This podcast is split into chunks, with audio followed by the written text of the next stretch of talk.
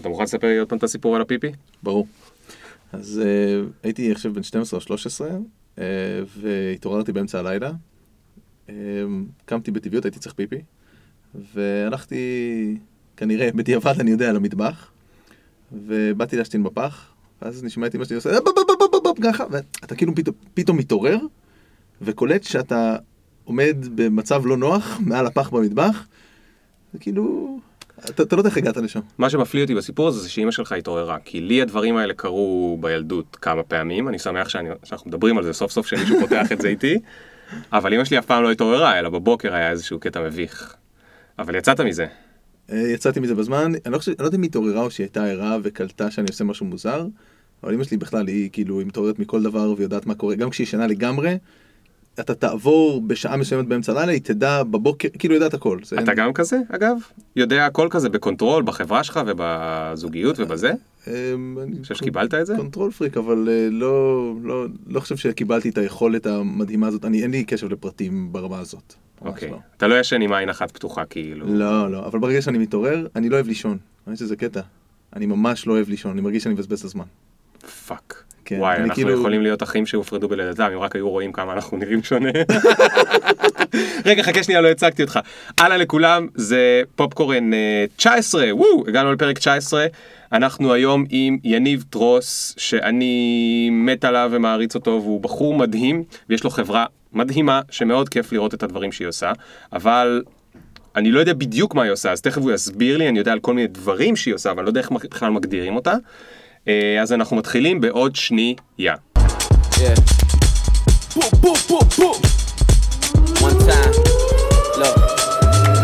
Ring the alarm, hot ass nigga. Yeah. Big ass head, so my dreams get bigger. Yeah. Make campaign strong, so my flows get sicker. Yeah. Confidence bigger than a drunk ass nigga. Look, I'ma work grave. מה קורה יניב? מה יניב? טוב. יופי. מה החברה שלך עושה? שאלה טובה, אנחנו גם מנסים לבדוק את העניין. האמת שאנחנו קצת משנים את מה שאנחנו עושים לאורך הזמן. אוקיי. עד לפני לא הרבה זמן התעסקנו, אנחנו היינו מוגדרים כחברת קריאייטיב לסטארט-אפים, לחברות טכנולוגיות. קריאייטיב לסטארט-אפים כאילו עושים את הווידאוים, עושים branding ווידאוים ומעצבים את האפליקציות, חוויית משתמש, הדברים האלה, כמו מין, היינו מגדירים את זה כמו מין, קוראים לזה co-founder, creative co-founder for rent, זאת אומרת, אנחנו הצד הלא טכנולוגי של חברות okay, טכנולוגיות. אוקיי, כאילו הם, הם פשוט הזכירו אתכם כמו כאילו שיש שותף שהוא ארט דירקטור. כן. אבל הוא גם ביצועיסט והוא גם נכון, הוא גם מתכנן, גם מבצע, גם הכל. בדיוק. אוקיי. אה, אבל כבר, האמת שדי הרבה זמן אנחנו עוברים איזה תהליך של שינוי, אה, ועכשיו כזה, הוא היה כזה מתחת לפני השטח, ומה שקורה לאורך הזמן זה שאנחנו מצאנו את עצמנו עוזרים להמון אה, חברות לשווק את המוצר, וגילינו שיש מקום שבו we excel. Mm. אנחנו, וזה במקומות שיש B2C, שמוכרים לצרכנים, ומוכרים מוצרים יותר פיזיים. זאת אומרת, החברה שלנו, הייחוד שלה זה שיש, היא לא באמת חברת קריאיטיב. אוקיי. Okay. יותר חברת דאטה מחברת קריאיטיב. כי מה שקרה זה, אנחנו אוספים המון נתונים, ואנחנו מתעסקים גם בצד של הפרסום בפועל, וגם בצד של התמחור כחלק מהאסטרטגיה השיווקית, ומבינים מרג'ינים ואת כל הצדדים העסקיים של, של למכור מוצר, אבל גם מבינים בשיווק וגם בקריאיטיב וכולי. ולאורך הזמן, הצד של המידע עלה על הצד של הקריאיטיב, וזה איזשהו שילוב מגניב כזה. אז בסוף הקילר פיצ'ר אה, של החברה, הדבר המגניב שאנחנו יודעים לעשות, זה חברות מגיעות אלינו עם מוצר, אה, מחברות יותר בוגרות ועד ממש חבר'ה שהם בתחילת הדרך, שמים את המוצר על השולחן, ובגדול אנחנו יודעים to take it from there. מוצר פיזי. מוצר פיזי. מה למשל? למשל... דברים שמותר לך לספר, כי לא, אני לא יודע. איזה סודות, זה הכל... 아, אוקיי.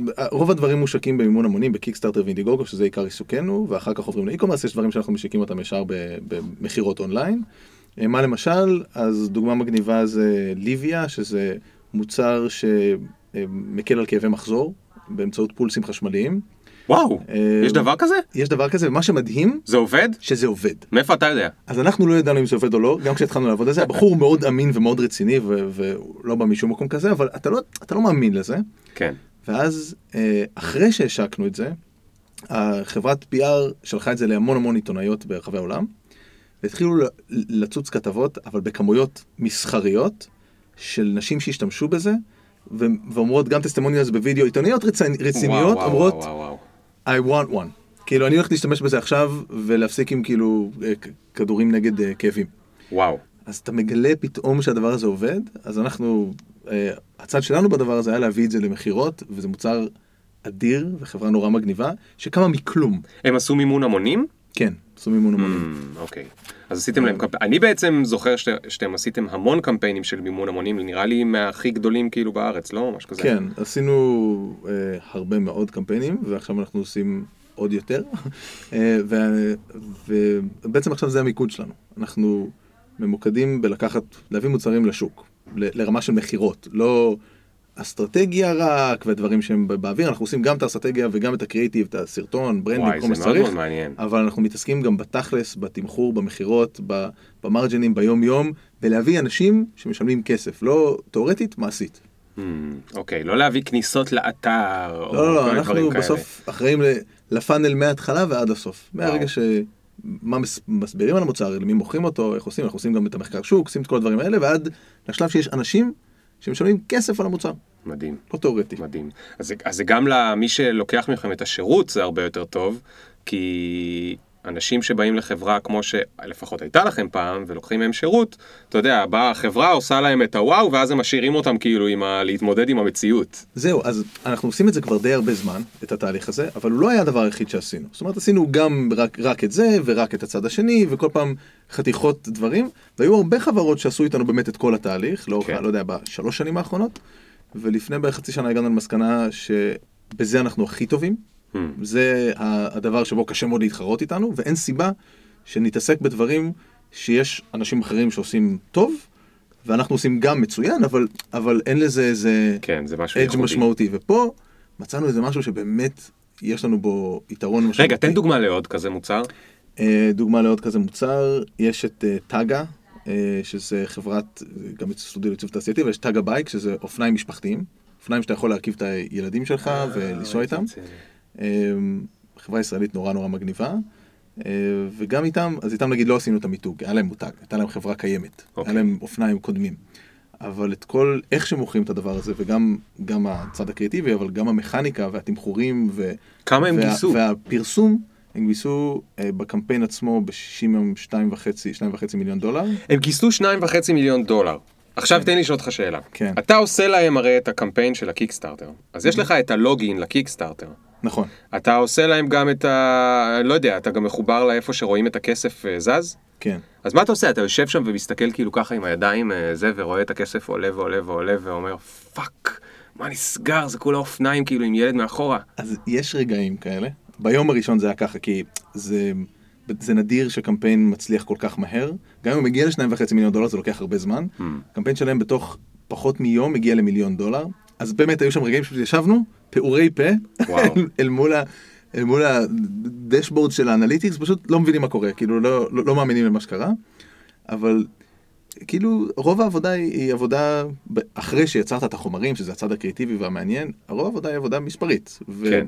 ואנחנו גם לא רק מתעסקים בה ספציפית בכל מוצר, אלא בעיקר מפתחים תוכנה שעושה את זה יותר חכם ועוזרת לנו לעשות את זה באופן יותר יעיל ממה שאדם באופן okay. אוקיי. סביר יכול לעשות. אוקיי, okay, אבל רגע, יש לי עוד שאלה על השניים וחצי מיליון דולר. זה, כן. זה מזכיר את אותם יועצי השקעות mm-hmm. שהם טובים, עזוב את יועצי ההשקעות הבררה, mm-hmm. שהם מייעצים לאיזשהו מיליארדר איך להשקיע את הכסף, ופתאום נהיה לו עוד מיליארד דולר. Mm-hmm. ואז יושב שם יועץ ההשקעות ואומר, רגע, למה שאני לא אשקיע את הכסף שלי ויעשה מיליארד דולר? זה מחשבות שיש לך בראש? זה כאילו, אתה יודע מה אנחנו עושים, בגלל זה שאלת את זה. אבל אה, לא, זה מדהים.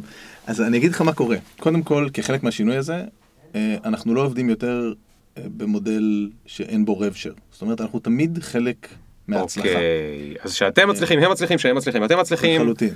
אוקיי. אז זה, זה, בעצם יש לנו שני מודלים שבהם אנחנו עובדים. אחד מכוון לחברות יותר מבוססות, שבו אנחנו מקבלים איזשהו upfront payment כזה, על, על הבסיס, ולוקחים ריסק על השאר.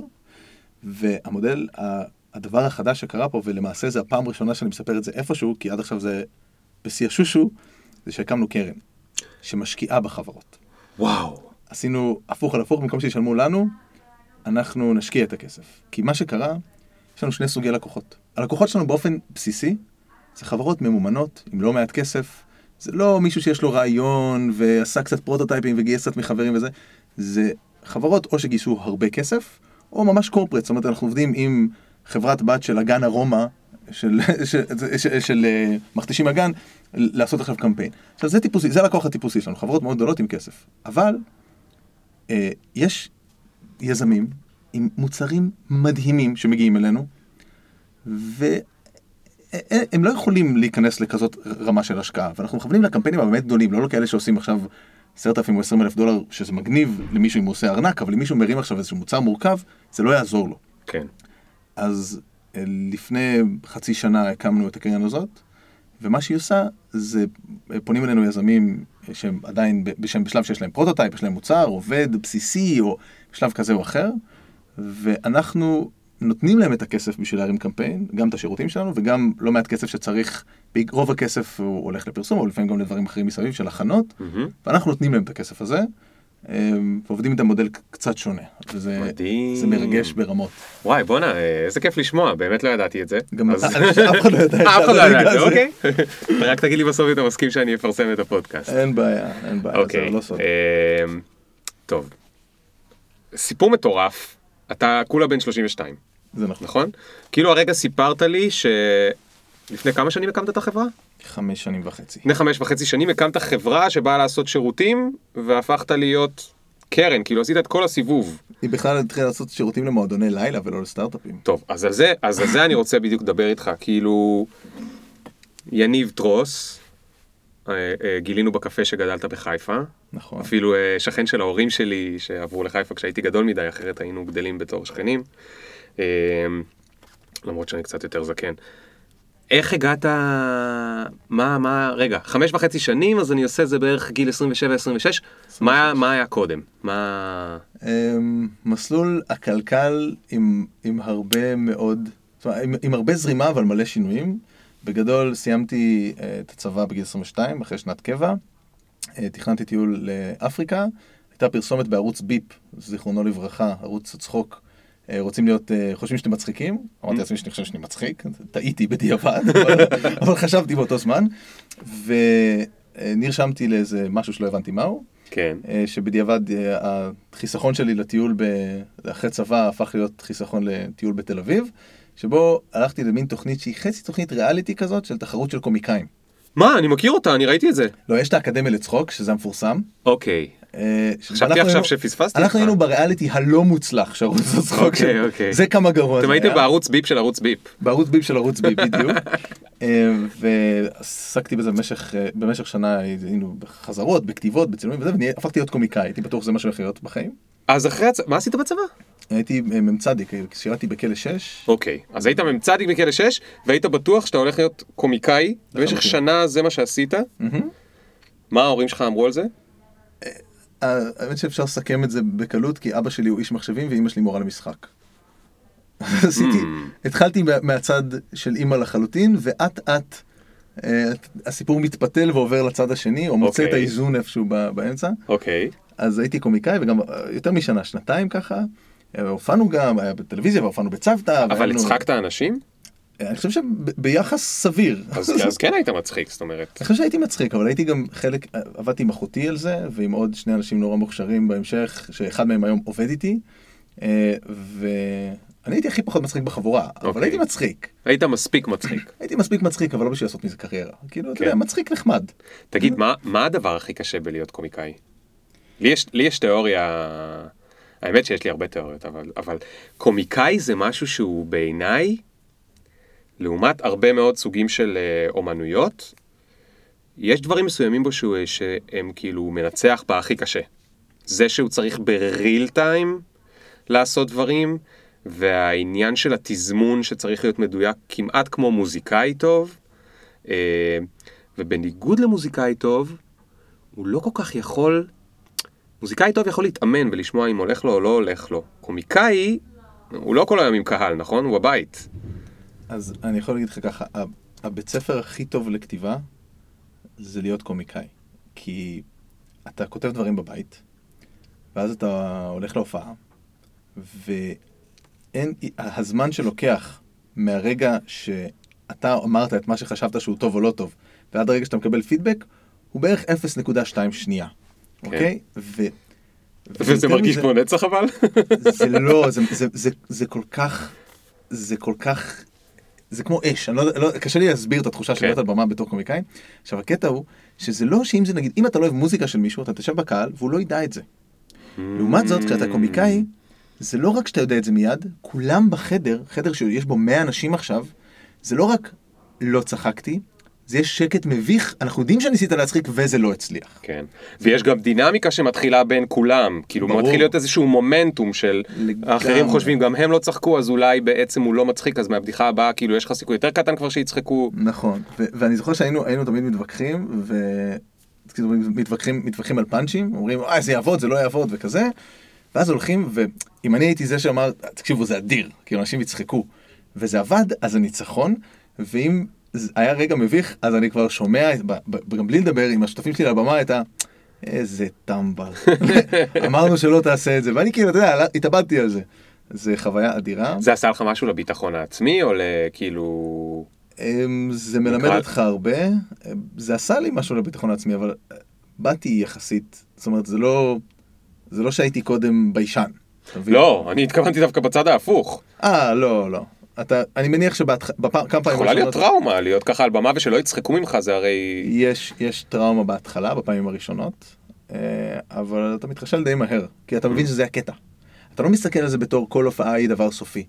זה דבר נורא תהליכי, זאת אומרת, לבנות הופעה טובה, אין סיכוי שבהופעה הראשונה שלך, אין, אין הופעה ראשונה שהיא טובה. זה לא קיים אצל קומיקאים. מעניין. סטנדאפיסטים, נגיד, כשהם בונים את החומר שלהם, הם הולכים ועושים עשר דקות, ואז מחליפים את החמש דקות השניות, וכל פעם מחליפים עוד בדיחה ועוד בדיחה. הזמן שלוקח ליצור הופעת סטנדאפ טובה של שעה ומשהו, חוץ מלואי סי קיי שעושה את זה פעם בשנה, אין סטנדאפיסט בעולם שעושה את זה בשנה, זה לוקח ארבע שנים לפעמים.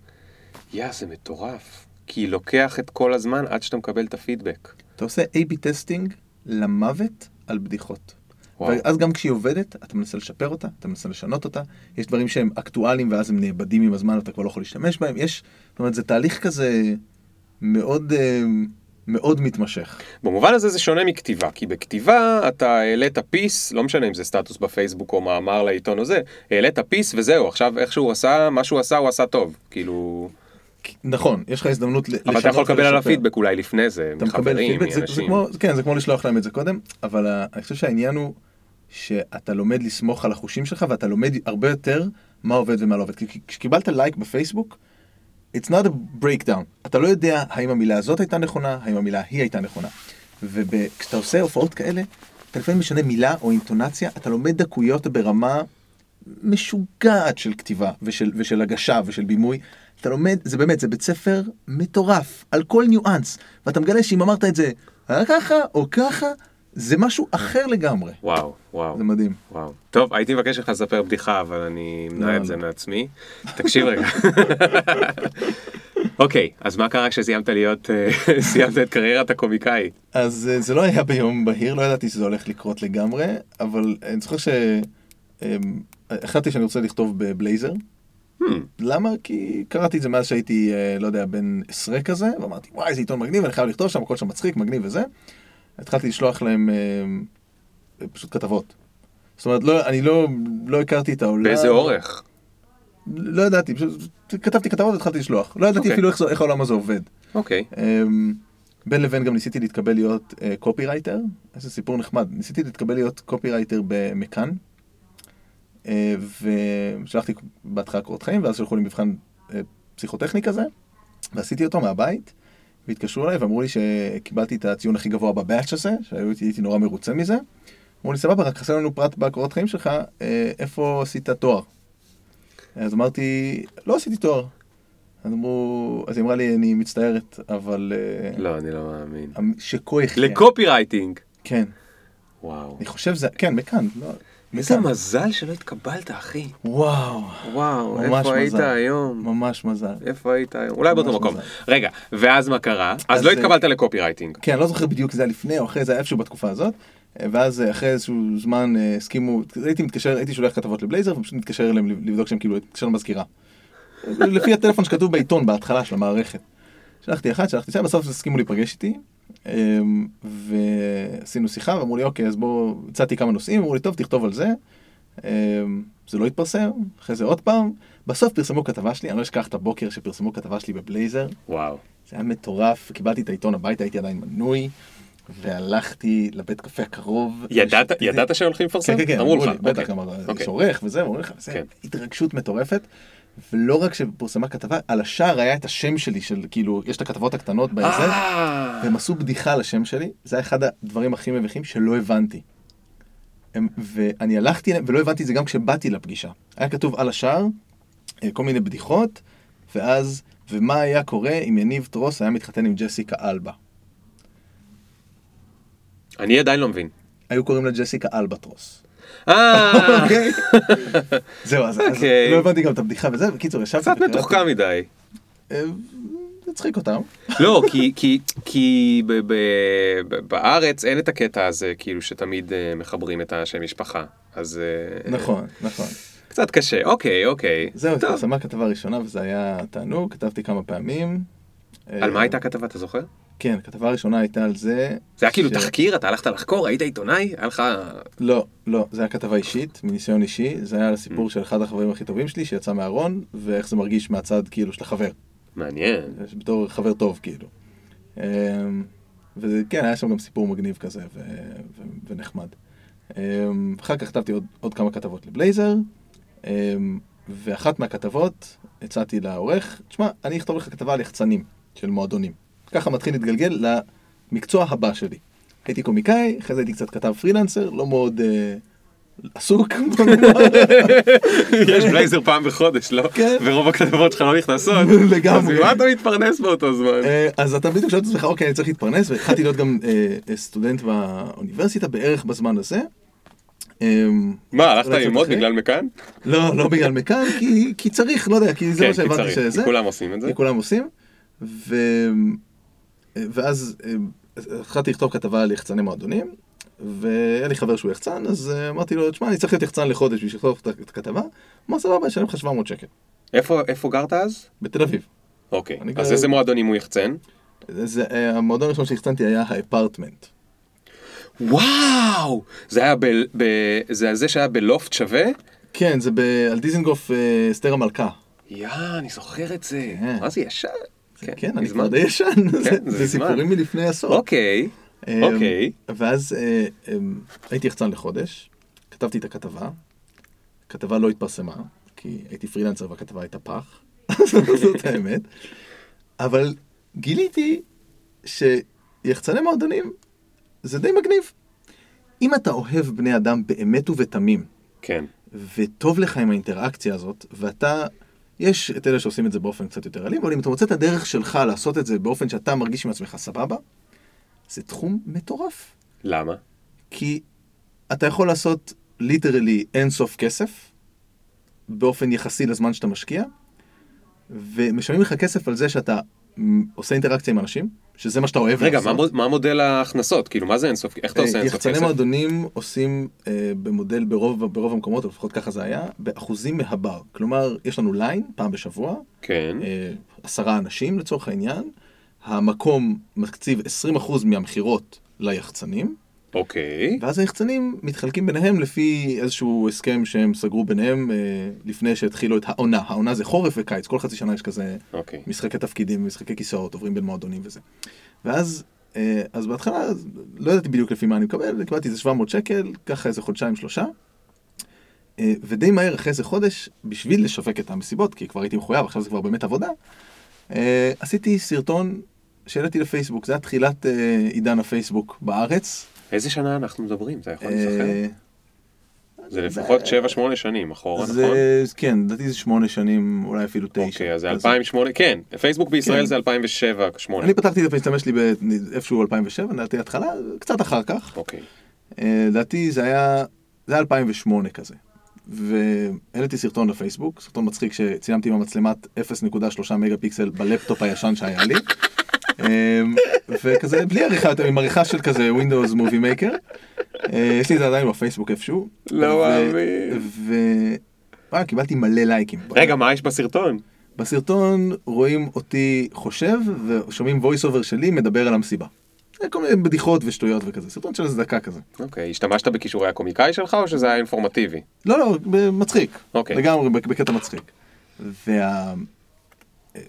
הסרטון קיבל מלא לייקים לתקופתו. אני חושב שזה היה משהו כמו שבעה. כן. זה היה בתקופה של לייקים היה... שברת את הפייסבוק. לפני שפייסבוק היו דואגים שיהיה לך כאילו מלא מלא זה, שברתי את הפייסבוק מבחינתי. כן, גם אז לכל אחד היה רק איזה 90 חברים, כי מי כן, ידע כן, על כן. פייסבוק. ואז באתי למסיבה, וכולם דיברו איתי על סרטון, כולם ראו את הסרטון. וואו. אמרתי, מדהים. ואז עשיתי עוד סרטון. עשיתי עוד סרטון, ואז הערך שלי בתור יחצן אה, עלה. אתה היית היחצן הדיגיטלי. הייתי זה שעושה את הסרטונים של הפייסבוק של המסיבות. וככה זה הולך ומתקדם, ואני לאט לאט אה, עונה נוספת, עברתי למועדון אחר, עשיתי קצת יותר כסף, במקום 700 שקל לחודש הייתי עושה 2,000, ואחר כך קצת יותר, ואחר כך קצת יותר, ואז בשלב קניתי מצלמה ביתית כזאת, כדי המצלמה של ה-0.3 מגה פיקסל לא כל כך עובדת.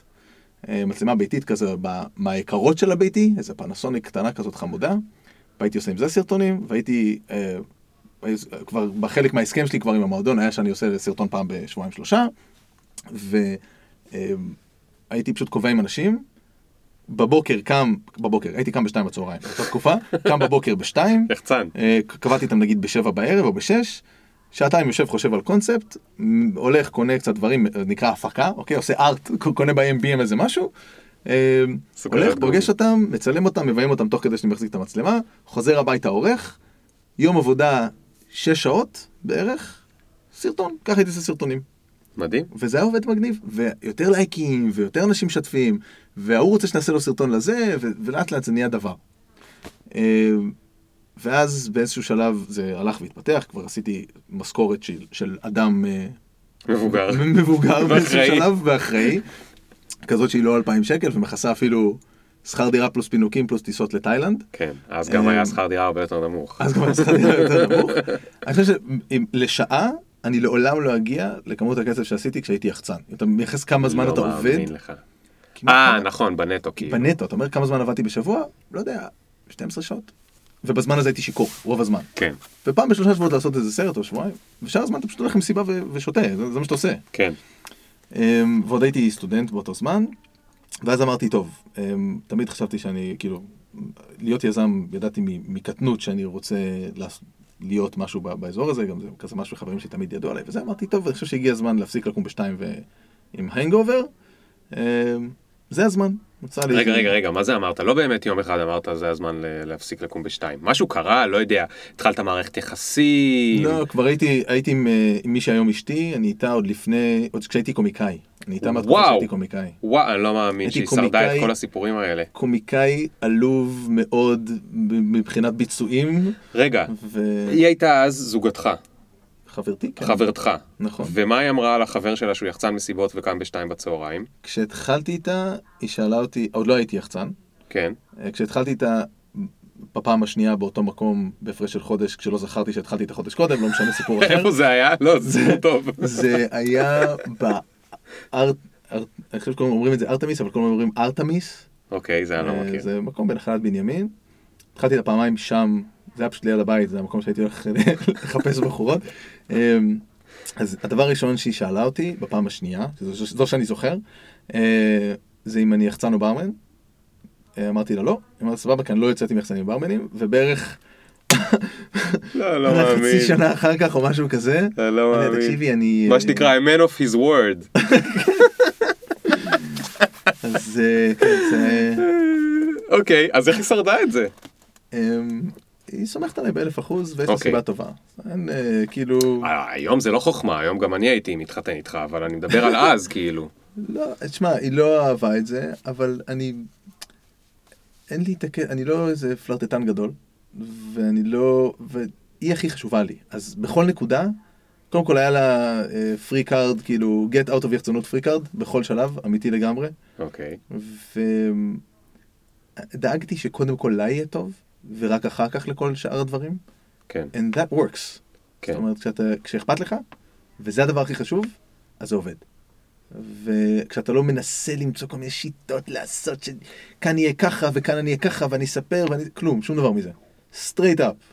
מה כן, מה לא. והיא גם, היא לא, אתה יודע, היא, היא מדהימה, בגדול. זה אין לי... כן. היא באמת מדהימה. אני מניח. טוב, אז רגע, איך קוראים לה? רק תגיד. עמית. עמית. שם יפה. אז החלטת בדרך שלא הצלחנו לפצח מהי, שאתה לא רוצה לקום יותר בשתיים בצהריים.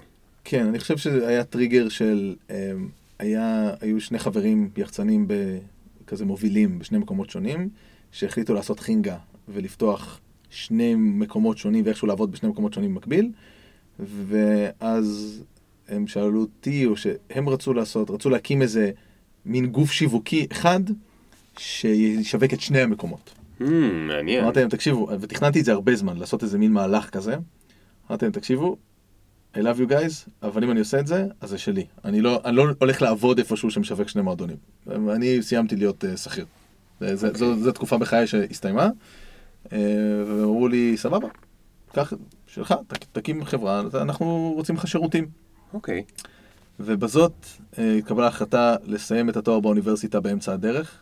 שהיה מיותר השנה וקצת. אפילו לא אמרת במה היה התואר. אה, במנהל עסקים ותקשורת, שאפקטיבית זה מה שאני עושה היום, אבל כן. לא למדתי שום דבר רלוונטי. באופן כללי אני לא מאמין. איפה היה התואר? אוניברסיטת תל אביב. אוקיי. לא מאמין גדול באקדמיה. אמ, ו... לבשר לאבא שלי שאני מפסיק את התואר באמצע, זה היה רגע. אמ, אז... איפה הוא למד? בטכניון. אני ידעתי את התשובה עוד לפני ששאלתי, ידעתי את התשובה לפי הפרצוף שלא רואים אותו ברדיו, אבל היה אפשר לראות את הפרצוף שלך שנזכר ברגע ההוא. אוקיי. אמ, אז אה, התקבלה החלטה, זהו, מקימים חברה. עכשיו, אני לא יודע כלום על שום דבר, מעולם לא עבדתי בשום מקום, אבל אני פותח מה? משרד פרסום, זה מה שהבנתי אז. אמרת, אני פותח משרד פרסום. כן. איפה היה לך ביצים לזה? טמטום, לא ביצים. אוקיי, היה לך טמטום. שתדע לך, אני חייב להגיד לך, קודם כל, אני הכי אוהב את האורחים ש... אה, לא זכו להקשיב לפודקאסט שלי, למרות שאני מקווה שעם הזמן זה לא יקרה, אבל זה עדיין מצליח לקרות. ואתה לדעתי השלישי, שכששאלתי אותו מאיפה היו לך את הביצים, הוא אמר טמטום.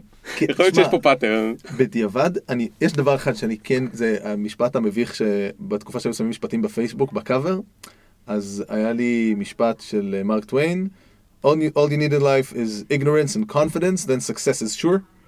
אני מאמין בזה באמת ובתמים. גם טראמפ. לג... גם אתה צריך להיות טיפש ועם ביצים, ו... וככה זה קורה.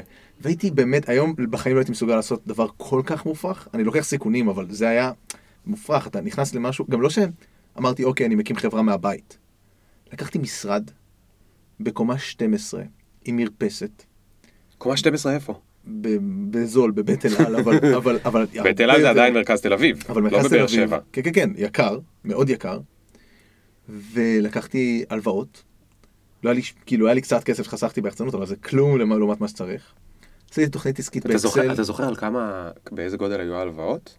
ממה הם התחילו? 70 אלף שקל. אוקיי. במה הם הסתיימו? כמה? ראפלי פי 10 מזה.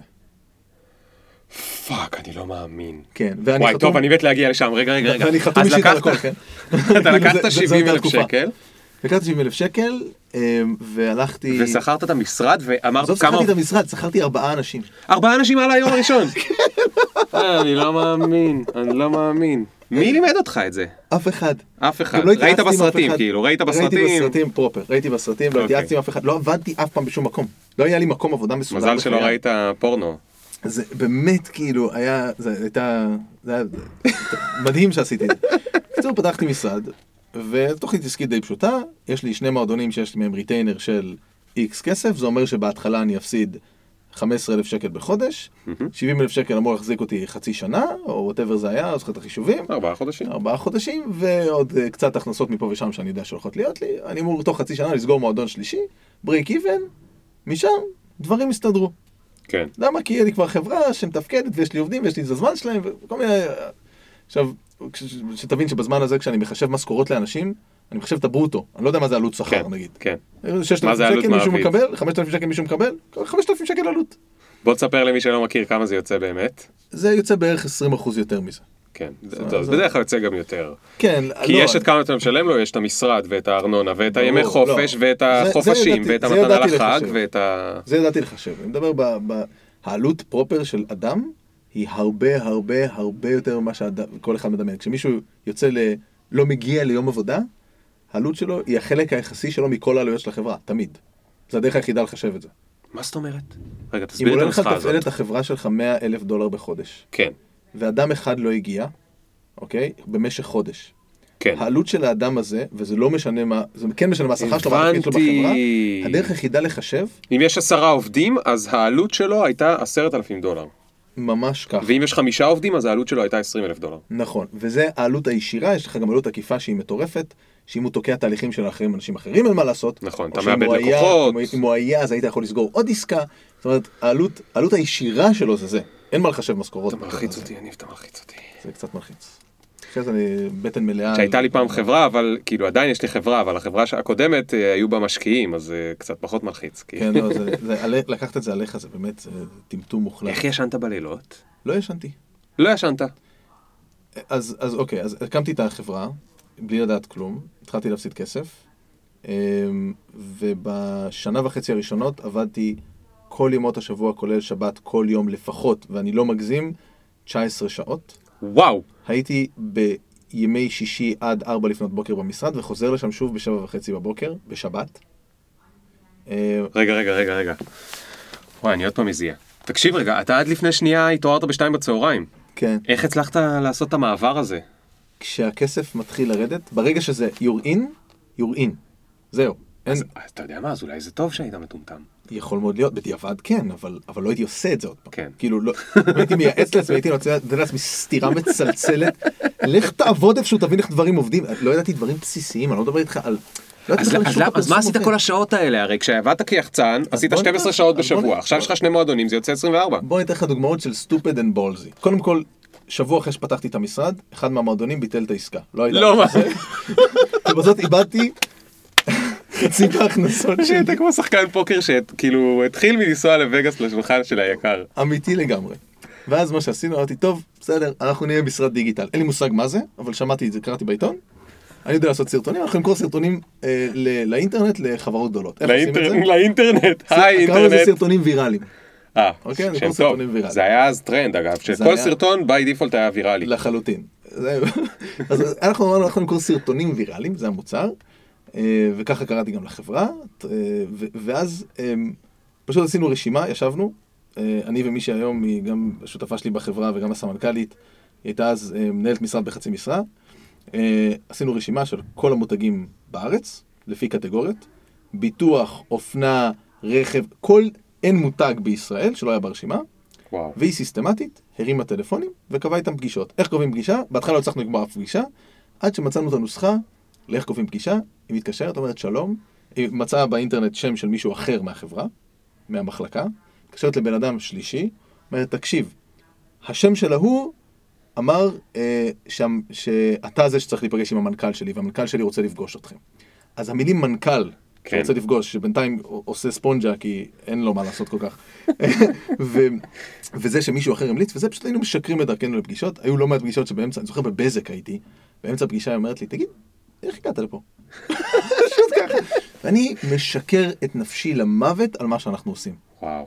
מספר שיש לנו תוצאות מטורפות ודברים, וכאילו, והראיתי את שני הדברים שיש לי להראות, שהם שניהם של מועדונים. שתי הצלחות ויראליות של 100 אלף צפיות, שאז היה מדהים. 100 אלף צפיות? וואו, זה באמת היה מדהים בתקופה ההיא. כן, היה לנו סרטונים אה, זה... ויראליים למדהים. גם יוטיוב הוא עוד צעיר אז. נכון, כאילו... היה לנו ביוטיוב 100 ומשהו אלף צפיות, זה, זה סרט מועדון ריקודים וואו. כזה, ו- ודברים מגניבים וזה. באמת, וגם בלי... אז זה הרשים אותם אולי. זה הרשים אותם. אה, אז פגשתי ככה, אני חושב, סיסטמטית, אה, מעל 70 חברות. זאת אומרת, הייתי נוסע כמה פעמים בשבוע לכל מיני חברות, ומה שהייתי עובד עליו עד אמצע הלילה זה מצגת פיץ' mm. לכל לקוח. כל לקוח בנפרד. כל לקוח בנפרד, וגם מה שהיום, אה, זאת אומרת, מה שהיום כנראה היה לוקח סדר גודל של רבע שעה, הייתי עובד על זה כנראה בין 60 ל-70 שעות על מצגת. והייתה יוצאת אגב מכוערת וגרועה בדיעבד. למה זה היה לוקח היום רבע שעה? כי אתה מאומן. כן. אוקיי, לא כי משהו קרה לא, בטכנולוגיה. לא, לא, כי פשוט... רגע, אז לבזק עשית פיץ' לבזק ולאוסם עשית פיץ' לאוסם ולכל אחד עשית פיץ' שלו, כי כן, מה? אבל... כי כבר עשית כאילו דמיינת שיש לך בריף ואתה עושה להם רעיונות שהם מחר יכולים לעשות? אתה צריך לבוא עם משהו. ולבוא וסתם לספר על עצמי, אין לי, אין לי פורטפוליו להראות, אז כן. אני צריך לבוא עם משהו. אז באת כבר עם הקריאייטיב. באתי עם קריאייטיב עשינו קריאיטיב, יש לנו איפשהו בשרתים קריאיטיב לכל חברה במשק, לסרטונים מצחיקים ומגניבים. וואלה, בן אדם, אתה חייב לחזור לזה, לעשות מזה איזה משהו. איזה סרט דוקומנטרי, אתה חייב שלא? אני חושב שאתה חייב שכן. כן? אתה פשוט אה, עסוק מדי בדברים טובים, אז לא תעשה את זה. אבל אם תהיה לך משועמם, או עשיר מדי, או מובטל מדי, אז... אני אה, זוכר, אגב, חלק מהרעיונות היינו מחזירים, נגיד היינו הולכים לכל חברות האופנה, אז היינו בקסטרו ובהוניגמן TNT ובפוקס ובלי קופר, היינו אצל כולם. אה, אז חלק מהרעיונות היינו כמובן משחזרים, כן. היינו תופרים, נגיד, עד היום אני זוכר שהיה לנו רעיון, כתבנו TNT והמקלדת לא התחלפה, וזה יוצא אימא, כשאתה כותב TNT, אז באנו להם קמפיין שלם של אימא, וכל מיני שטויות וכזה, אז היו לנו דברים ייחודיים לכל לקוח. אוקיי, אוקיי. אמ, זהו, אז זו הייתה תקופה. מה קרה אחרי חצי שנה? היית בריק איבן? לא, לא, הפסדתי הרבה יותר כסף ממה שחשבתי, לקחתי עוד הלוואות. אה, אה, הגעת בסוף ל-700 אלף שקל הלוואות? כן, לקח יותר זמן מזה, זה לא לקח, זה לא לקח חצי שנה. כן, לא, אבל רגע, אחת מכל החברות האלה רצתה שתעשה להם משהו? כן, הראשונים להישבר, ומי שאנחנו חייבים להם את חיי חברה, ועד היום אני מודה להם את זה, הם חברים טובים, זה בזק בינלאומי. וואו. אמ, שבהתחלה עשינו להם סרטוני אנימציה במחיר שבו אנחנו שילמנו בערך 20 אלף שקל בשביל לעשות להם סרטוני אנימציה. פשוט הורדנו תחתונים. פשוט כדי לסגור לקוח ראשון. פשוט בשביל שיהיה לנו לקוח. והם בעצם היו הפתח שלנו לעולם הפרסום הישראלי, שאחר כך סגרנו גם עם פלאפון ועם מזרחי טפחות. וואו, לקוחות ל... שווים. ועברנו לריטיינרים וניהלנו להם את הפייסבוק ואת המדיה וכל מיני דברים כאלה. רגע, הם הבינו בכלל מה זה יוטיוב הלקוחות האלה אז? כן, בזק בינלאומי הבינו הכל, חלק מהלקוחות יותר, חלק פחות, אבל הם הבינו, לא, הם הבינו. Okay. אני אוקיי. חושב שהם הבינו כבר, זה עולם הדיגיטל כבר היה במצב מתקדם. Okay, אוקיי, אנחנו כבר באיזה 2009-2010 כזה. אנחנו ב-2012 כבר. אה, אוקיי. אנחנו, זה, זה כבר, החברה הוקמה ב-2011. אוקיי, אוקיי. אה, זה כזה סביבות 2012, תחילת 2012, וסגרנו את הלקוחות האלה, והיו לנו פתאום ריטיינרים. עדיין היינו מפסידים כסף, אבל קצת פחות. אה, ואיפשהו באותה תקופה חבר שיש לו סטארט-אפ, סליחה, אח של אחד מהעובדים היה לו סטארט-אפ, ושאל אם אנחנו יכולים לעשות לו סרטון לסטארט-אפ. זה היה ההתחלה של מה שבסוף יהיה החברה שיש היום. אוקיי. Okay. עשינו לו סרטון, אה, וזה היה מגניב, ואז חבר אחר שאל אם יש, ועשינו לו וזה היה מגניב, הם היו מאוד מרוצים. ואז זה מישהו שמכיר אותם. רגע, איזה סוג סרטונים עשיתם להם? בהתחלה עשינו סרטוני אנימציה, סרטוני מוצר באנימציה. אוקיי. מאוד... אה, Do you know that you're really busy? הכל באנגלית? כן. מאיפה ידעתם אנגלית? אה, כאילו מי שם מביא את האנגליש? אה, בהתחלה אני. אוקיי. אני, יש לי אנגלית מאוד טובה, במבטא אוקיי. אמריקאי, גרתי שנה בתור ילד בארצות הברית. איפה? בקליפורניה. נחמד. בגיל שמונה עד תשע כזה. וזה אתה שזוף. ועשינו ככה כמה סרטונים, וזה התחיל להתפתח מהר. פתאום ראינו, ואז נפלה התובנה הראשונה, ככה למדתי עסקים. תובנה, צריך שיהיה צורך כדי שתציע משהו. לא, לא להכריח את עצמך, אלא שיהיה צורך. פעם ראשונה שהבנתי משהו. כן. ואז אה, הבנו שיש הרבה אנשי קריאיטיב טובים בארץ, מדהימים, ויש הרבה אנשים שיודעים אנגלית, ויש הרבה אנשים שמבינים טכנולוגיה, אבל אין הרבה אנשים שיודעים את כולם. בזמנו זה היה נכון, היום כבר פחות. היום כבר פחות, אבל לא, ב-2012 אני יודע, כי אני הייתי באמצע הסטארט-אפ ההוא, ואז נגיד ב-2012, עיצוב הייתה מילה כאילו גסה, שאתה לא מוציא עליה כסף נגיד. לגמרי. וקריאייטיב או שיווק זה משהו שכאילו אתה עושה עם אחותך הקטנה ואבא שלך מחזיק את המצלמה. כאילו, לגמרי. זה היה, אלא אם אתה באמת יש לך מלא משקיעים. לגמרי. והבנו שיש לנו איזשהו edge, משהו ש... אין לאחרים, כי אנחנו באמת גם, בגלל, זה התחיל בהתחלה ממני, הרקע שלי היה שאני גם מבין טכנולוגיה, כי אני טכנופיל די כבד, ולמדתי לתכנת מספרים של QBasic כזה בסיס בתור ילד, והיה לי אכפת מזה והייתי קורא טכנולוגיה כל הזמן, וקריאיטיב הייתי קומיקאי, ואנגלית כי הייתי בארצות הברית קצת, mm-hmm. ואיכשהו נוצר שם סיטואציה. ובהתחלה זה היה אני ומי שהיום מנהל את מחלקת הוידאו והאנימציה שלנו, שהוא היה חבר גם קומיקאי, גם הוא מ... הופעתי איתו עוד בזמנו. התחלנו לעשות סרטוני סטארט-אפים. וזה התפתח נורא מהר. Mm. זאת אומרת, בתוך כלום זמן. אה, ואז שאלו אותנו אם אנחנו יודעים לעשות גם וידאו, אמרנו, בטח, באנו מווידאו. זאת אומרת, אנחנו עושים גם וידאו.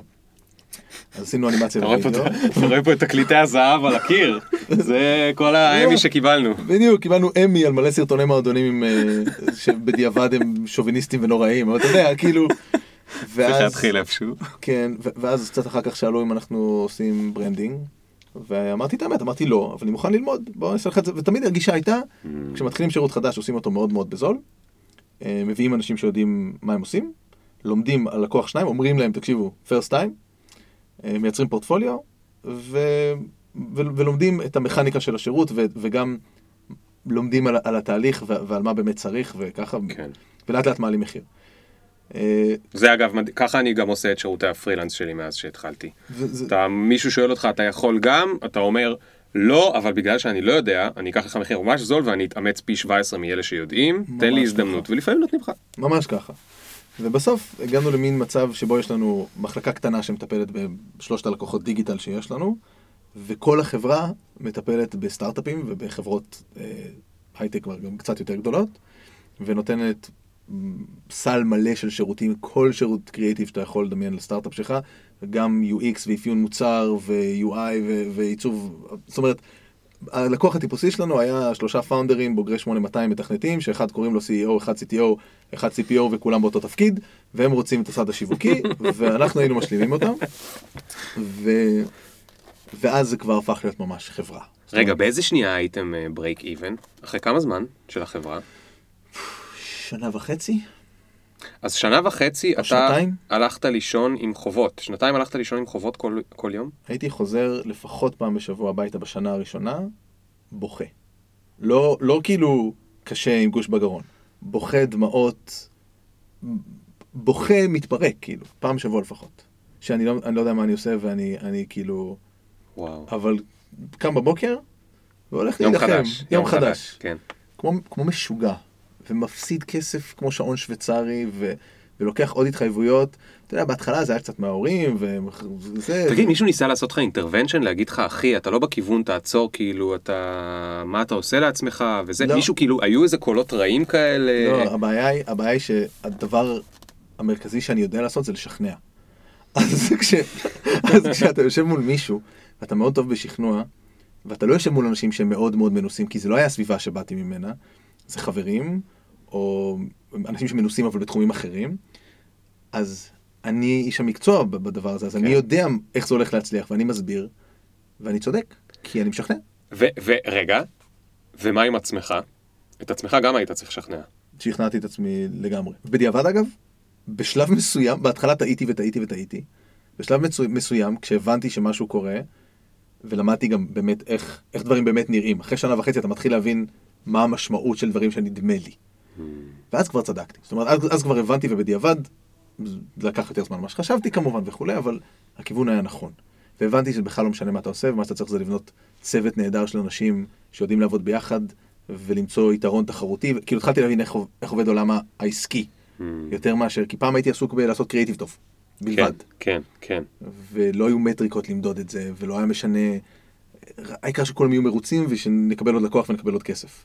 ואין משמעות ל-long term strategy ולתמחור ולמעמד בשוק ולהבין, ונורא פחדתי ממתחרים. את כל זה למדת על בשרך? לא הלכת לייעוץ עסקי או ספרים או משהו? כלום, לא, דבר לא. רק, רק, מ, רק מלעשות. יש לך אחלה אינטואיציות. תודה, אני לא יודע אם זה אינטואיציות או שטעיתי מספיק פעמים. כן. אבל... או אתה יודע, אפשר להגיד, אה, במקום לאוניברסיטת תל אביב נתת למישהו 700 אלף שקל. אני חושב, האמת שזה, כשאני מדבר עם ההורים שלי על זה בדיעבד, הם נתנו לי הלוואה רצינית, אמ, וחוץ מזה לקחתי גם מבנקים, באמת, אני לא יודע איך נתנו לי כסף, אבל אה, בדיעבד יצא להם גם טוב. אמ, ואני אמרתי להם, ובדיעבד, אימא שלי אומרת שזה, הלכתי להרווארד, או משהו כזה. כן. כי תמיד צוחקים על זה שאין לי תואר. היא אומרת, זה בערך מה שעולה תואר במנהל עסקים באיזה בית ספר יוקרה. ואני לא יודע אם זה הרווארד או לא, אבל למדתי, אני עדיין לומד, זאת אומרת, זה לא נגמר. נשמע לי הרבה יותר טוב מהרווארד, כי בסוף, לא משנה מה אתה יודע או לא, השיעורים המעשיים הם תמיד הרבה יותר שווים מהשיעורים התיאורטיים, כאילו... לגמרי. אז רגע, אז אתה ישנת חמש שעות בלילה, או לא ישנת בכלל, במקרה לא, הטוב? ומה עם חברים, משפחה וזה? אה, לא חזר מאז שהקמתי את החברה. לא חזר? לא. מה זאת אומרת לא חזר? זאת אומרת שעדיין יש לי חברים ומשפחה שאני מאוד אוהב ואני בקשר איתם, אבל אני רואה את החברים הכי טובים שלי פעם בחודשיים שלושה במקרה הטוב. לא, עדיין היום? עדיין היום. אני לא מאמין לך. המצב, אוקיי, אני בשנה וחצי הראשונות עבדתי שבעה ימים בשבוע ומשהו כמו 19 או 20 שעות ביממה, ישנתי באמת נורא מעט. כן. אחרי שנה וחצי, וחצי זה השתפר, אבל לא באופן שמשנה את, ה, את, את התמונה. מה שהייתי צריך לשפר זה את הזמן שלי עם אשתי. כן. אה, אבל זה הדבר היחיד שהצלחתי לשפר, וגם זה לא מספיק טוב. אבל שאר הדברים עדיין ב-on hold. זאת אומרת, כל החברים אני בקשר ו- ו- ובאהבה, אבל הייתי רוצה, אתה יודע, לצאת פעם בשבוע או פעם בשבוע או משהו. רגע, אבל ת, ת, אתה חייב שנייה להסביר, אני חוזר עכשיו לתחילת הזה, נשמע שהעסקים אה, הולכים טוב. כאילו יש לך, אני לא יודע, לא, לא חושב שכל המאזינים אה, מכירים וזה, אבל החברה שלך נחשבת אחת החברות הטובות. כן, החברה... יש לה נחשבת... מיתוג מאוד טוב, כאילו, נחשבת מותג אה, שהולך כן. לו. אנחנו בחברה מוצלחת למדי. אז למה אתה עדיין עובד כל כך קשה? זה, זה הפער בין, כשבהתחלה חשבתי שאני עושה את זה כי אני חייב, כי אני מפסיד כסף, ובאיזשהו שלב אתה מבין ש... שזה מה שאתה. אוקיי. Okay. ואני חושב, הייתה לי שיחה עם, אה, אני מייעץ לכל מיני חבר'ה, ו... והייתה לי שיחה עם איזה חבר שהוא כזה, גם אני עוזר לו קצת וזה, והייתה איזו תובנה נורא טובה בשיחה, שמה שצריך בשביל להיות יזם טוב, זה, אנשים תמיד אומרים, אתה צריך להיות persistent, אה, ואתה צריך להיות, זאת אומרת, כל מיני דברים כאלה, ואני חושב שאתה צריך להיות obsessive. זאת אומרת, זה ההבדל. כי פרסיסטנט זה מישהו שעושה משהו במשך שנה וחצי. אובססיב זה מישהו שממשיך גם אחרי חמש שנים וחצי, באותה רמת מחויבות. אתה לא יכול להיות בשום דבר הגיוני אחרי חמש וחצי שנים ועדיין להמשיך להילחם. ו- ואני עובד עכשיו 12 אה, שעות ביום, בין 12 ל-14, ושישה ימים בשבוע. אז, ולא שבעה, ולא 18 שעות. אבל זה חייב להיות בנפשך, וזה לגמרי בנפשי. כאילו אין, לא, לא, לא, לא יודע אחרת. חייב, אני אסביר לך גם איך זה עובד. יש מכניקה שלמדתי שלמד, עם הזמן להבין. מה שקורה זה שאני מביא את החברה לשלב הבא. לא מעניין אותי לנהל חברה כמו שהיא, אם היא נשארת אותו דבר שנה אחר כך. זה לא מעניין.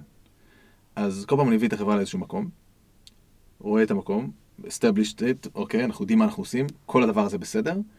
ברגע שזה עובד כמו שצריך, וה... והעובדים והאנשים והשותפים, הכל מתקתק כמו שעון שוויצרי, נוצר לי טיפה זמן עודף. מתחיל לגרד לך. בטיפה זמן עודף הזה, אני מייצר את השלב הבא, שמכניס את כל החברה שוב לסחרור, ואותי, mm.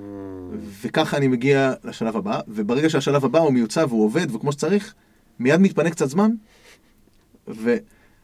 זה כמו שאז קראת לי, אני זוכר שקראת לי, ולא הבנתי מאיפה יש לך זמן פנוי להקים עוד חברה, רצית שנעשה משהו ביחד, לא נכון, חשוב, הסיפור, נכון. אתה זוכר לפני כן, כן, שלוש, כן. ארבע שנים? כן, כן.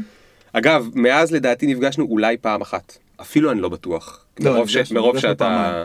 פעמיים, אני חושב, אה, פעם אחת במקרה ופעם אחת בכוונה. אוקיי. וגם זה היה בענייני עבודה לדעתי. כן? אה, אה לא, זה היה לפני שפתחת את נוסקול. נכון. ואז רצית שנעשה איזה משהו ביחד, ולא הבנתי מאיפה יש לך זמן. אז כנראה היה מין, כי גירד לך כבר הדבר הבא הזה, ואני מדמיין שאם היינו עושים אותו, אז עוד פעם היית ב... תשמע, זה תכונה שאני חושב שיש להרבה אנשים שהם... אה, משעמם להם כאילו מתישהו, וזה קצת מזוכיסטי, נכון? זאת אומרת, אתה לא יכול... אני חושב שזה מזוכיסטי אם אתה לא אוהב את זה. אוקיי, רגע, יש פה כמה עניינים. תשמע, קודם כל, יש דבר אחד שלא ציינת ואני אציין אותו, כי זה נראה לי, אז אתה תתקן אותי אם אני טועה. בנית לך גם חברה שנורא כיף להיות בה.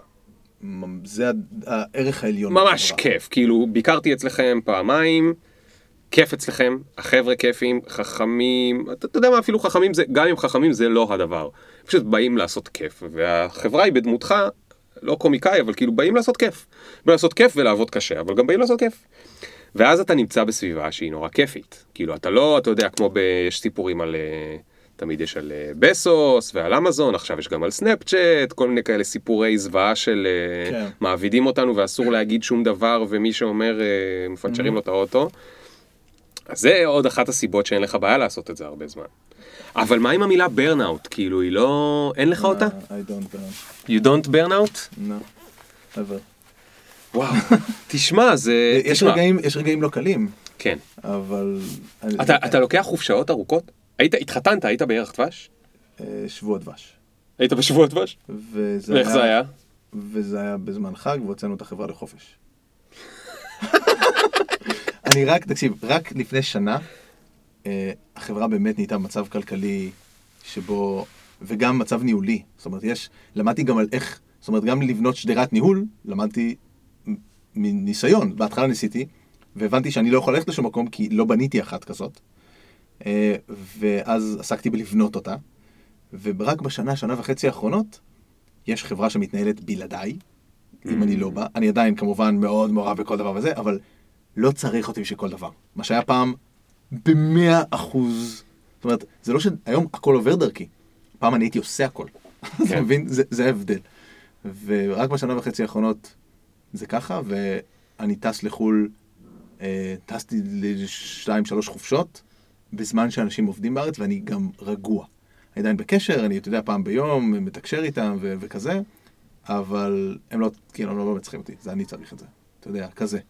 כמה עובדים אתם כבר? הם, עכשיו 16 או 17. וואו! זה... עדיין באותו מקום ברוטשילד? איפה זה היה? ב- כן, בכל בשלום. בכל בשלום. האמת שגם את זה למדנו, היינו כבר גם 21 לפרקים, זאת אומרת, זה, זה דברים שאתה לומד, אתה מבין איך עושים את הדברים האלה. כן. הייתי כאילו, אתה יודע, היה קצת שני פרויקטים חדשים, טוב, מגייסים עוד ארבעה אנשים. אוטומטית. כן. אז אה, גם את זה למדתי לעשות כמו שצריך. רגע, רגע, ויצא לך אז לפטר אנשים? ביפר הדבר הכי גרוע בתפקיד שלי. הכי גרוע? איזה נורא זה? אני, אני באמת, אין לי... זה הדבר שהכי קשה לי מכל דבר שאני עושה בתור יזם, בתור, לא יודע, תקרא לזה מנכ"ל, לא יודע, לא יודע אפילו איך לקרוא לזה. כשאני צריך לפטר מישהו, אני... זה... אני כאילו מהבוקר, או לפעמים כמה ימים קודם, לא, כאילו, לא נשם טוב, באותו יום אני מזיע ורועד, ברמה הזאת, זה פשוט לשבת מול בן אדם ו- ולעשות את זה, זה, זה... אני כאילו רועד הרבה פעמים תוך כדי, פיזית, ואחר כך צריך שעה שאף אחד לא, כאילו, אני לא מסוגל לדבר בכלל. וזה זה נורא. זה הורבל. ואגב, לפעמים זה לא כזה נורא בשביל הבן אדם. כאילו, זה תמיד נורא כן. תמיד אומר את האמת, ומדבר, וזה אף פעם לא בגלל שמישהו לא נחמד, או שאני שונא אותו, וזה גם, וזה גם הרבה פעמים לא כי מישהו לא טוב. ואז זה עוד יותר כאילו, אז זה די נורא. זה כי אי אפשר לשלם לו. כי אין מספיק פרויקטים? אמ, או כי הוא לא מתאים לתפקיד שייעדו אותו? בתחילת הדרך זה היה, לא, דווקא כשאין מספיק לשלם לו זה יחסית, זה הרבה יותר קל. בתחילת הדרך זה היה בעיקר כי אין מספיק לשלם לו. זה פיטורים שהם נוראים, אבל זה הרבה יותר קל. כי, כי זה לא אומר עליו כלום, אוקיי? אבל לפטר מישהו מכל סיבה אחרת, זה... מה, זה, זה נורא. למה אתה חושב שזה כל כך קשה לך? I'm a pleaser, I guess. אני כאילו... הסיבה שכיף אצלנו, וזה הערך הכי חשוב של מקום העבודה הזה, מעבר ללייצר דברים ללקוחות או לחברה עצמה או כסף, או... כאילו בכל הזדמנות שיהיו שתי אופציות, אחת זה לעשות יותר כסף אה, ושלמישהו יהיה לא נוח, והשנייה זה שיהיה לא נוח ולא לעשות את הכסף, אני, אני מניח שאלא אם זה יהיה ממש לא מאוזן, אני תמיד אבחר לא לעשות. כאילו, גם בכל הזדמנות. יש לך דוגמה, דוגמה... יש לי הרבה. קודם כל, אפילו כש... לא יודע, אם אתה מפטר מישהו והוא... לפי חוק אתה חייב לו יומיים של uh, התראה. אז... באמת? זה הכל? אם הוא עבד אה, אצלך... התראה ואז יש איזה ברור משהו, נכון? איך זה הולך? יש, יש, אם מישהו עבד תקופה נורא נורא קצרה, אם מישהו עבד אצלך חודש, לפי חוק אתה חייב לו יום אחד של התראה. אוקיי? ככה זה בחודשים הראשונים. אמ, אז אתה יכול לתת לו יום אחד של התראה, אתה יכול לא. אה, הרבה פעמים, וזה קרה לי המון, החלטנו שמישהו אה, צריך להיות מפוטר, מכל סיבה שהיא, זה יכול להיות כסף, זה יכול להיות משהו אחר, ולא פיטרתי במשך שבועות או לפעמים חודשים. אחרי שהייתה את ההחלטה. יש אנשים שהיו להם משהו כמו שבעה או עשרה מכתבי פיטורים לתאריכים שונים, שכל פעם הודפסו, חתמתי עליהם, חיכו אצלי על השולחן, היה זמן בלוז שהיה כתוב איזה שקר כלשהו והייתי צריך לעשות את זה, and I just couldn't do it, וברוב מוחלט של המקרים, במיוחד אם זה מישהו ש... שכאילו היה יותר מ... זאת אומרת, זה היה יותר מניסיון, אה, לפני וגם בזמן, אני, אז אני, אני אסדר את העבודה הבאה. זאת אומרת, אני, זה, אני אדחה את זה ו- ואתן זמן ו- ואעשה, זאת אומרת... אתה חושב שזה פוגע בך? מה? זה שאני... ההתנהגות. לא, אני נורא שמח שאני ככה. זאת אומרת, אני מעדיף ככה מהפוך לגמרי. כי זה מה שמייצר מקום עבודה, אנשים נהנים לבוא אליו. כן. שאנשים באמת... נגיד, אנחנו מסלקים, אנחנו בחברות קריאיטיב, אני לא יודע אם אתה מבין, אבל זה הכל שעתי. ועל כל שעה של בן אדם, זה היחידת כסף. ובגלל זה במשרדי פרסום עובדים שעות משוגעות. ואנחנו המקום היחיד שבשש בערב, מי שנשאר מקבל צעקות וסוגרים לו את האור, מנתקים לו את המחשב. חוץ ממך. חוץ כן, לגמרי. אתה בשש כזה, יאי, כולם הלכו, אני יכול לפתוח את זה, בוא נעשה טרקטור חדש. אם היינו עובדים את השעות של כולם, ועושים מזה סוואטשופים כאלה, היינו עושים המון כסף. אבל לא מייצרים, לא מקום שנעים לבוא אליו, לא אנשים שנשארים לאורך זמן, ולא מוצרים טובים, בעיניי. זה מאוד יפה איך שתיארת את זה, שזה שני צדדים של אותו דבר. כאילו, שאלתי אותך למה זה, אז אמרת שאני פליזר, ושאלתי אותך אם זה היה לך, אם זה מבאס אותך, כי אתה יודע, יכולת להגיד כלכלית זה פוגע בי, נכון? אבל אמרת, יש לזה את היתרון שלה. אני לא חושב שזה פוגע בי. אני כן. לא חושב... לא, לא, להפך, אתה חושב שזה עוזר לך? אני, כן, אני חושב שבסוף זה שאנשים מרוצים, וזה לא תמיד קל, אבל כשהם מרוצים, זה, ככה יוצאים דברים טובים. תגיד, יש לך את אותם ערכים גם ללקוחות? כן. זה נושא שנורא נורא נורא מעניין אותי. למה? כי אני אעשה תקציר, כי אני לא רוצה פה לשפוך את כל ה... יש לי על זה הרבה, mm-hmm. אבל בתקציר השנה היא 2017, השקיפות נהיית הרבה יותר גדולה, אנשים אוכלים הרבה פחות בולשיט, אנשים גם גילו, וזו אחת הסיבות שהוצאתי את הספר הזה, אנשים גם גילו שהם רוצים לעשות דברים שאכפת להם מהם, ולא רק כסף. Mm-hmm. הם גם רוצים כסף, אבל כאילו זה לא הערך העליון. ויש לי איזו תיאוריה אופטימית על העולם בגלל שגדל פה דור כזה. שבסוף כולם ירצו לעבוד במקומות שהם יותר הוגנים ופיירים וזה. ועכשיו אתה בא ומספר ש... אולי אותו ערך שיש לך לעובדים, יש לך גם ללקוחות, שזה רק מוכיח את העניין הזה, זאת אומרת שזה כאילו מוביל לעולם שהוא בעצם בסופו של דבר קצת יותר אה, נחמד. אז אני מסכים, זה, זה נשמע לי, זאת אומרת, אני, אני חושב שבשביל להבין את כל התיאוריה צריך לרדת לגמרי לסוף דעתך, ואני מבין את העיקרון הבסיסי, אה, אבל היה איזשהו שלב בדרך שבו הבנו שעכשיו, ש, שאנחנו מוכנים להפסיד כסף, לא לסגור לקוח, בתקופה שלא היו לנו מספיק לקוחות, בהתחלה יחסית, אה, כי הוא לא נעים לנו. כן. זאת אומרת, אצלנו קוראים לזה אה, לפטר לקוחות. עכשיו, עכשיו, אנחנו, עכשיו אנחנו כבר לא עושים את זה, כי אנחנו פשוט לא לוקחים אותם מלכתחילה. אבל אני זוכר את הפעמים הראשונות שפיטרתי לקוח, ולא היה לי שקל על התחת לעשות את זה. זאת אומרת, לא ידעתי איך אני גומר את החודש, כן. אבל זה הביא כל כך... לא מדבר על, אתה יודע, אנשים, אנשים זה, זה, זה לא כולם אותו דבר, לא כולם צריכים להיות הכי נחמדים בעולם. אבל כשמישהו מביא אנרגיה רעה פעם אחר פעם, והוא... התחושה היא של תרקוד קוף, תרקוד, אני משלם לך, תעשה, just shut up כזה, mm-hmm. וזה מייצר אצלך תחושה רעה, not worth it. כן. ולאורך זמן, זה שיחק לטובתנו, באופן מדהים. נכון.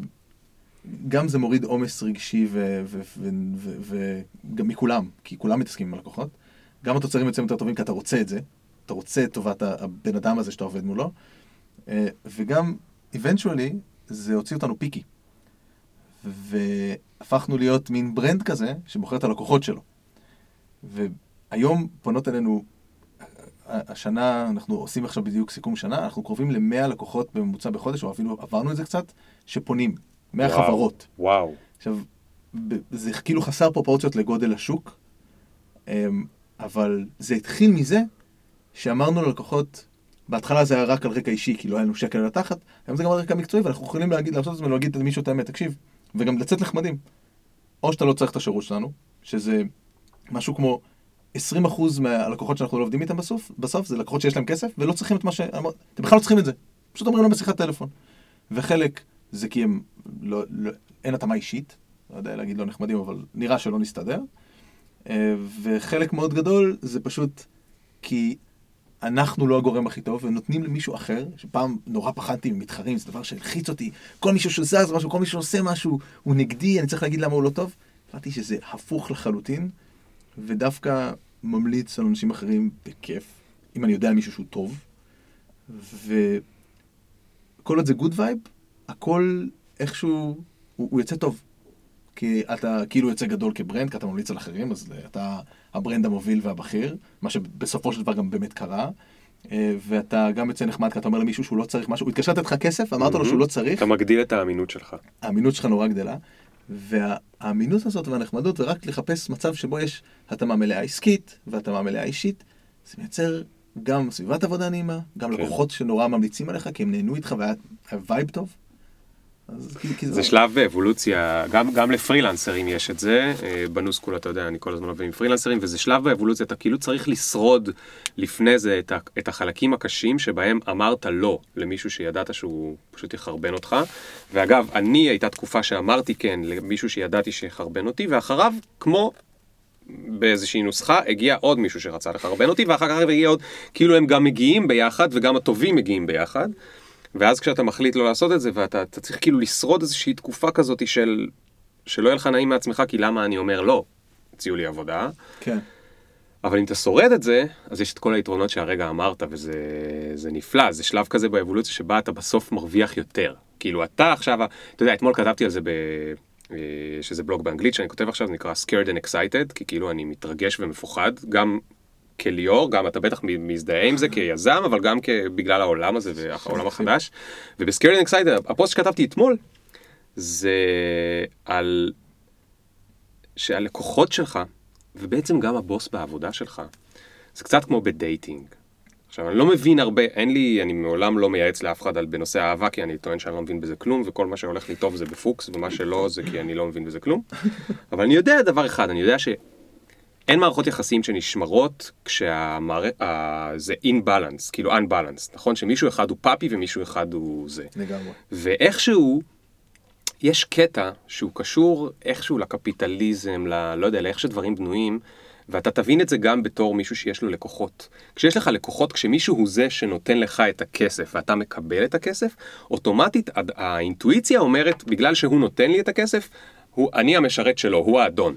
ואז אתה מתחיל להתנהג כמו משרת, והוא מתחיל להתנהג כמו אדון, וכאילו פתאום... מתאר את זה באופן מדויק להפליא, וברגע שאת מבינים שזה לא ככה, זה, זה משנה לכולם, אגב, לשני הצדדים, הרבה יותר נוח. נכון, נכון, כי אף אחד, וזה מה שאני אומר שם, באף אחד גם בריליישנשיפ לא רוצה להיות רק האדון, כי אז יש פחות אה, משיכה ותשוקה, וזה אותו דבר, לא, מה שעכשיו אמרת, ש...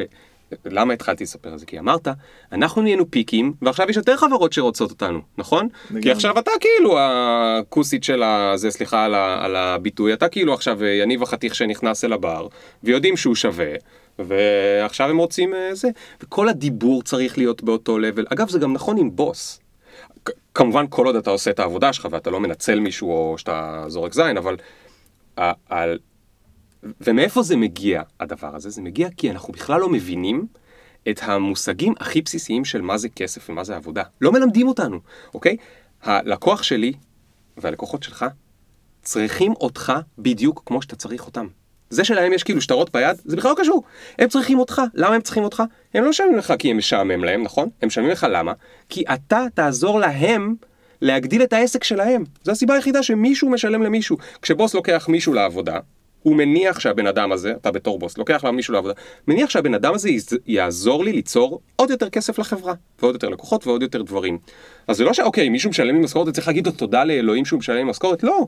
אני צריך, אני צריך להבין שהוא צריך אותי גם, וכל עוד אני אעבוד, אני כאילו אעשה את המאמץ, אז, אז מגיע לי יחס טוב והוגן וכולי. אני מסכים באלף אחוז, וזה...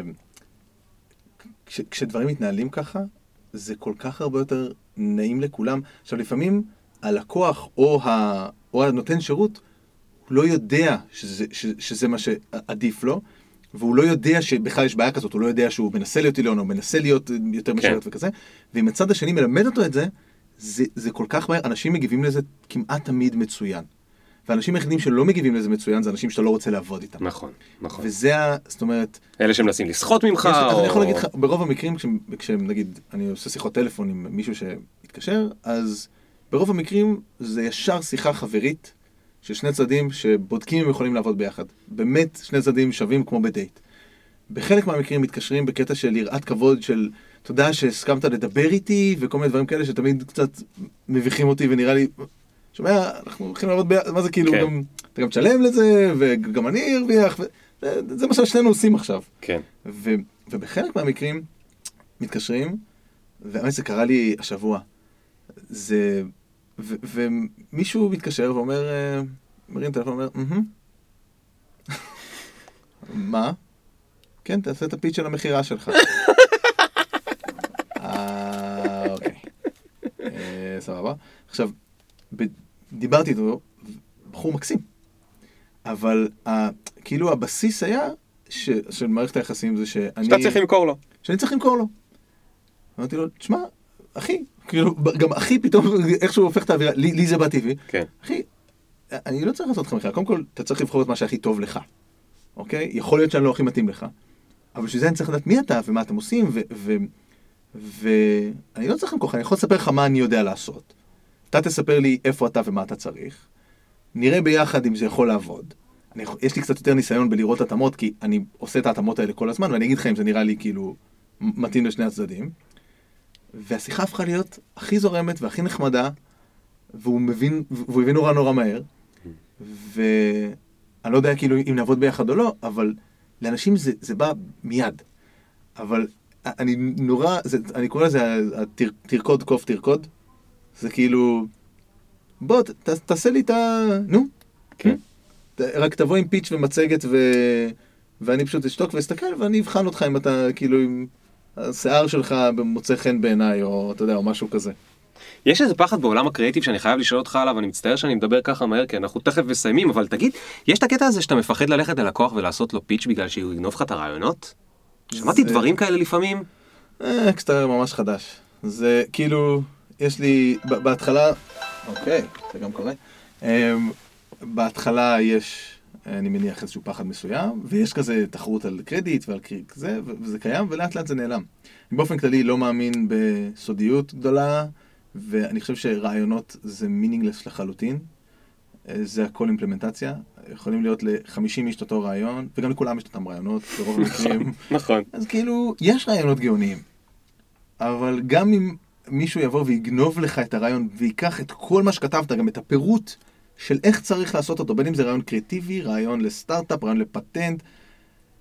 הסיכוי שיצא לכם אותו הדבר הוא אפס מאופס. הסיכוי שיצא לכם משהו דומה הוא גם אפס מאופס. ולכן, מי שיודע לעשות דברים ולא מי שיש לו רעיונות זה מי שטוב בסוף. לקח לי הרבה זמן להבין שרעיונות is not the main thing. כן, כן. וככה, אגב, זה גם סיכום לא רע, כי ככה הפכנו להיות חברת דאטה יותר מאשר חברת קריאיטיב. Mm. והבנתי ש...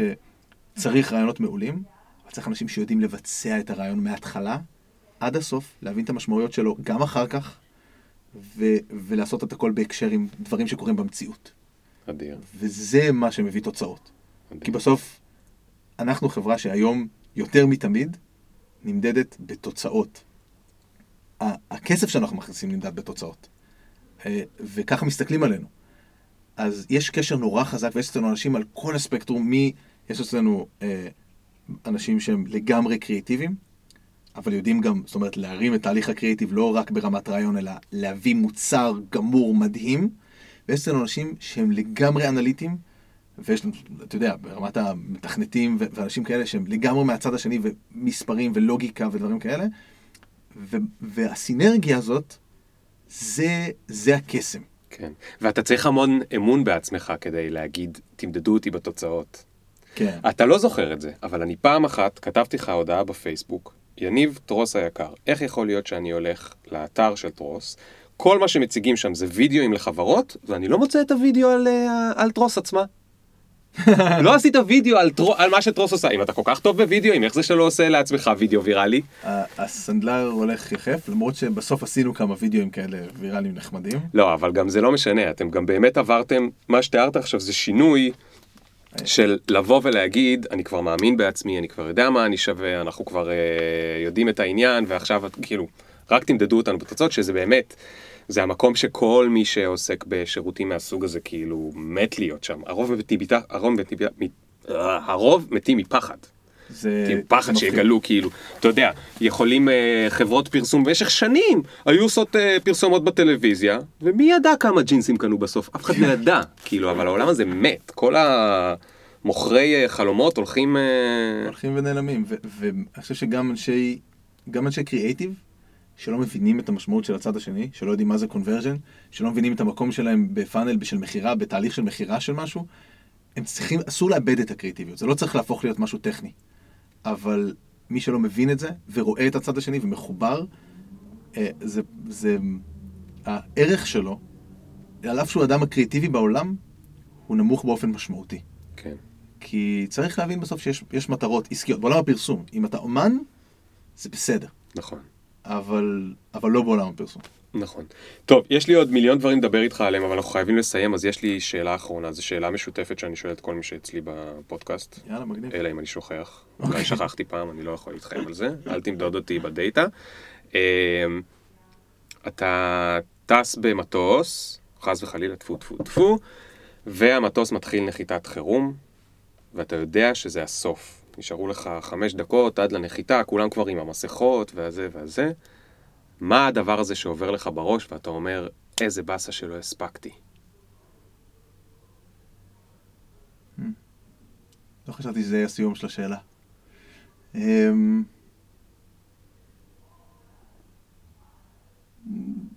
אני חושב שזה להיות יותר עם המשפחה, בעיקר עם אשתי. זה, זה ה... That's the main okay. thing. תשמע, זה די קל, כי את זה אתה יכול לעשות, ואתה תעשה. אני משפר עם הזמן והולך לשפר עוד הרבה יותר. אתה הולך לעשות את זה, אתה עכשיו אמרת את זה בפודקאסט, אז אתה הולך לעשות את זה. תשמע, חביבי, מה זה תודה שבאת, ממש כיף. אה, לא ידעת בכלל לאן השיחה הזאת הולכת ללכת. לא, נכון? חפרתי לעצמי קצת בראש אפילו, זה היה נחמד. זה היה נחמד, נחמד אה, זה. אה, תודה לכל מי שנשאר איתנו עד לכאן, היה ממש ממש כיף, אנחנו ניפגש בפעם הבאה. יש כל מיני דברים מרגשים, אני אספר לכם על זה בניוזלטר. אמ, למשל זה שהיום, טוב, אחד אני אספר, שהיום נתתי את ההוראה לבחור בחברת, אה, לא יודע איך קוראים לזה, whatever, שידפיסו לי את המאה עותקים הראשונים של הספר במודפס, באמיתי, סוף סוף. שזה כמה? שלושה, ארבעה חודשים אחרי הספר הדיגיטלי. אה, שזה, אני עושה רק 100 עותקים כדי לבדוק רגע את הזה, ואז צריך לבנות את המכונה שמפיצה אותם איכשהו, כי אני שונא את דואר ישראל. אה, ואז אני מקווה שיתפסו האלף, שזה כאילו כבר ההדפסה גם היותר שווה, כי זה עם השמש, משהו, לא יודע. אה, אז זהו, נתראה בפעם הבאה. תודה רבה רבה יניב. יאללה, היה מה זה כיף. ביי. My mentions. Question, do you even fuck with a nigga like me? Will you want me in about three days? Really? IDC. Cause every time a nigga talk, they can't see the big up picture. Fuck your filter, me can't go run, but me can't repeat. Nah.